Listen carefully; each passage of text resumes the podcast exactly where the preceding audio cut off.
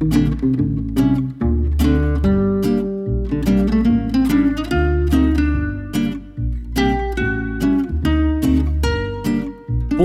je luistert naar een podcast van frankrijkbinnendoor.nl, de enige website over Frankrijk met blogs, unieke reisverhalen en tips, e-books, podcasts en twee boeken.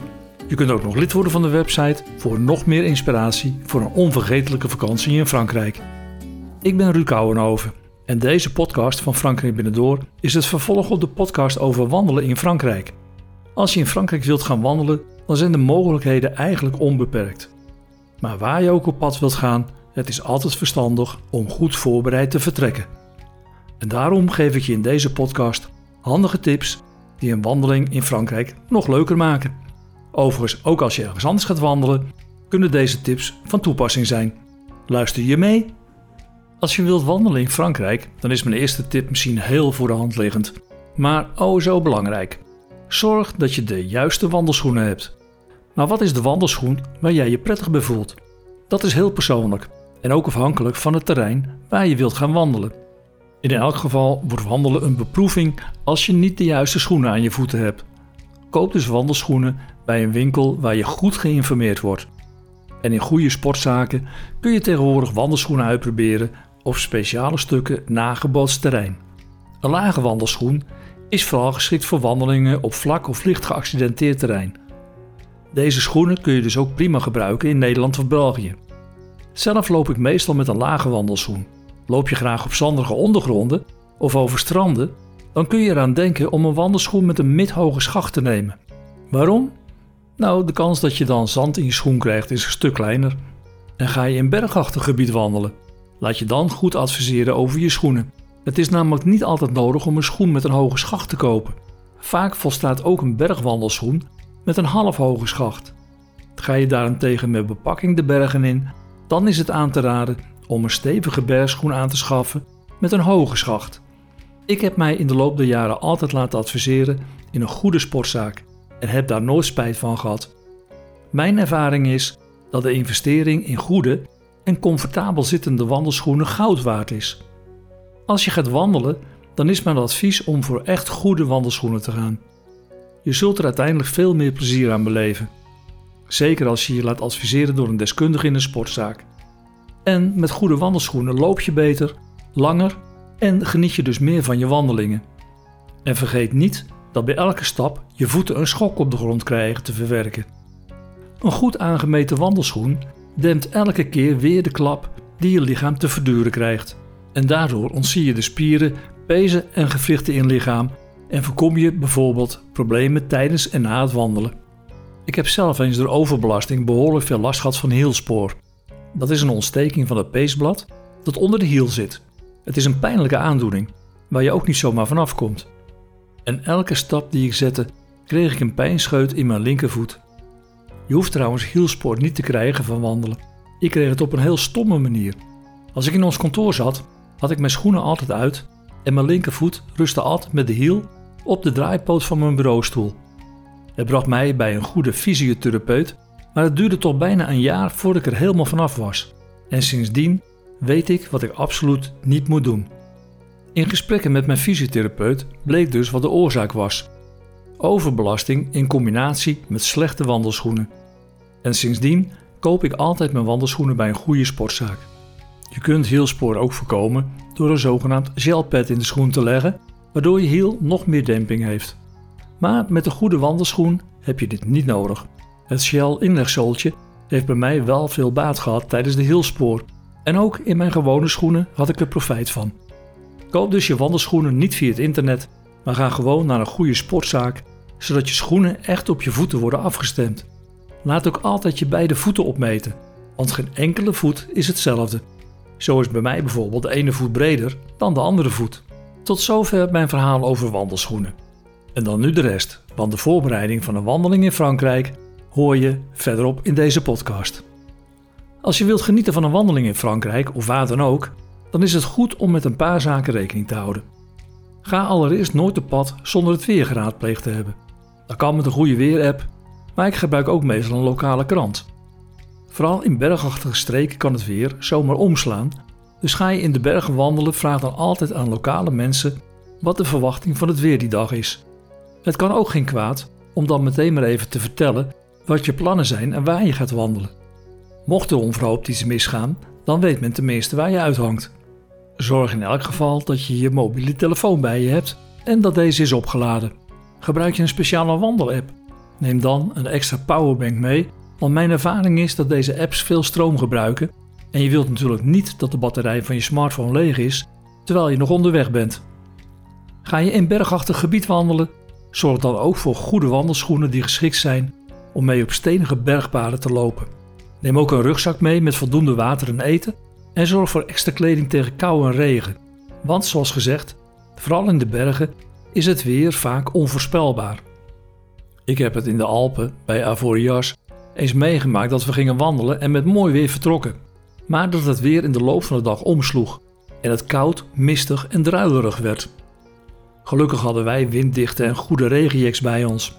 Maar op een gegeven moment kwamen we twee Engelsen tegen in een t-shirt en een korte broek, die rillend van de kou in de mist de weg naar Avoria zochten.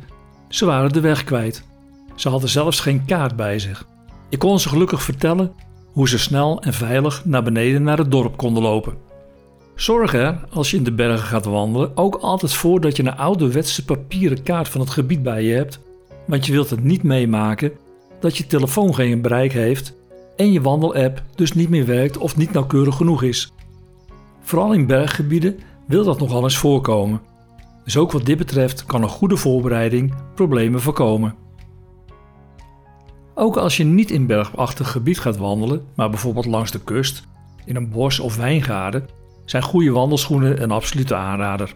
En het meenemen van een zonnebril, hoed of pet en een goed middel om jezelf tegen de zon te beschermen is ook heel verstandig. En uit ervaring kan ik je ook aanraden om een goede EHBO-set bij je te hebben.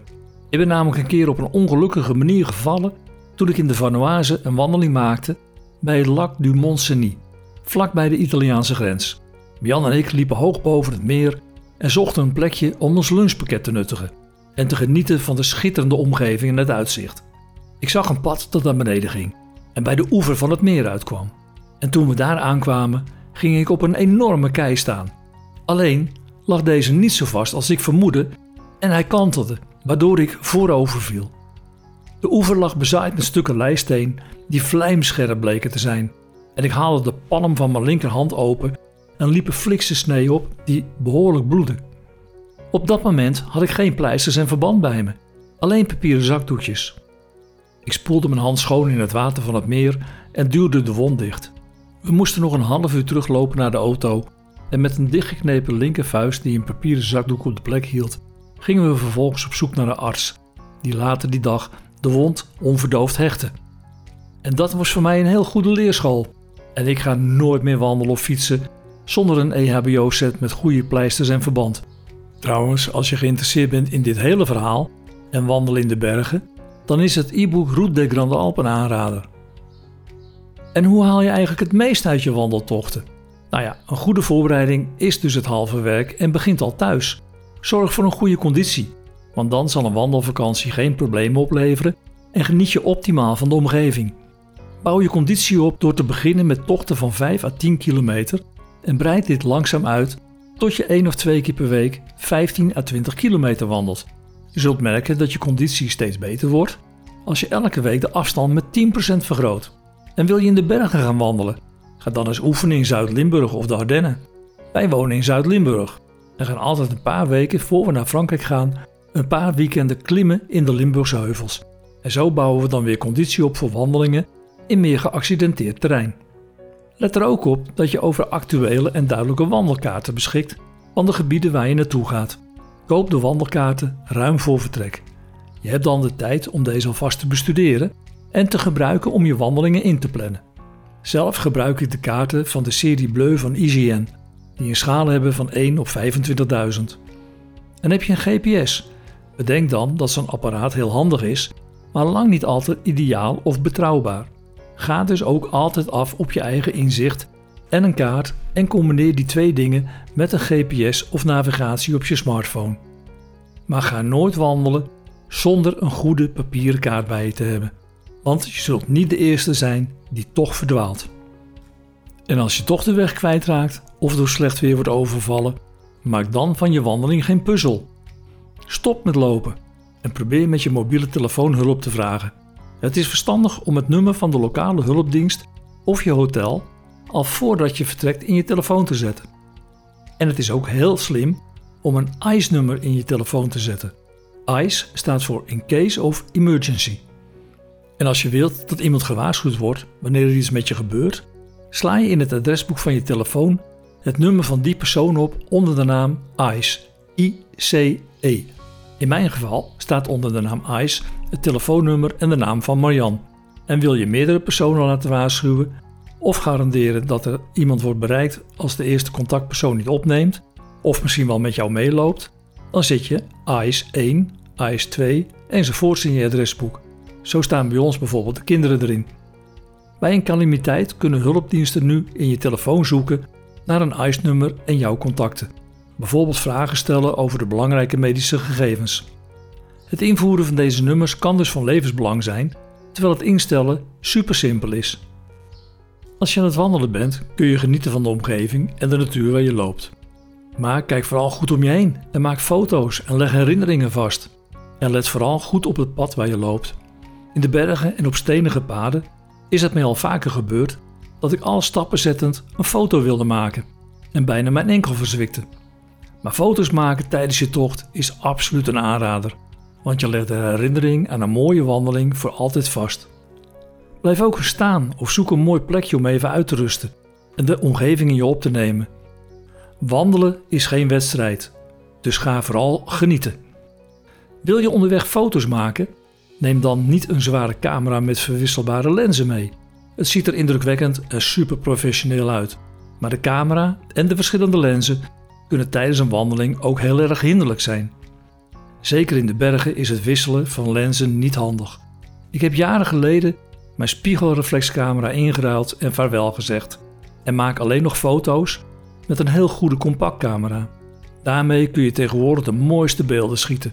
Het voordeel ten opzichte van een spiegelreflex is dat een compactcamera makkelijk is mee te nemen, weinig plaats inneemt en nauwelijks iets weegt. Zelf heb ik jarenlang een Panasonic Lumix camera gebruikt. Helaas liet ik die ergens vallen, waarna de lens kapot was. Ik zocht een goede vervanger en kwam opnieuw uit bij een lichte Panasonic compactcamera.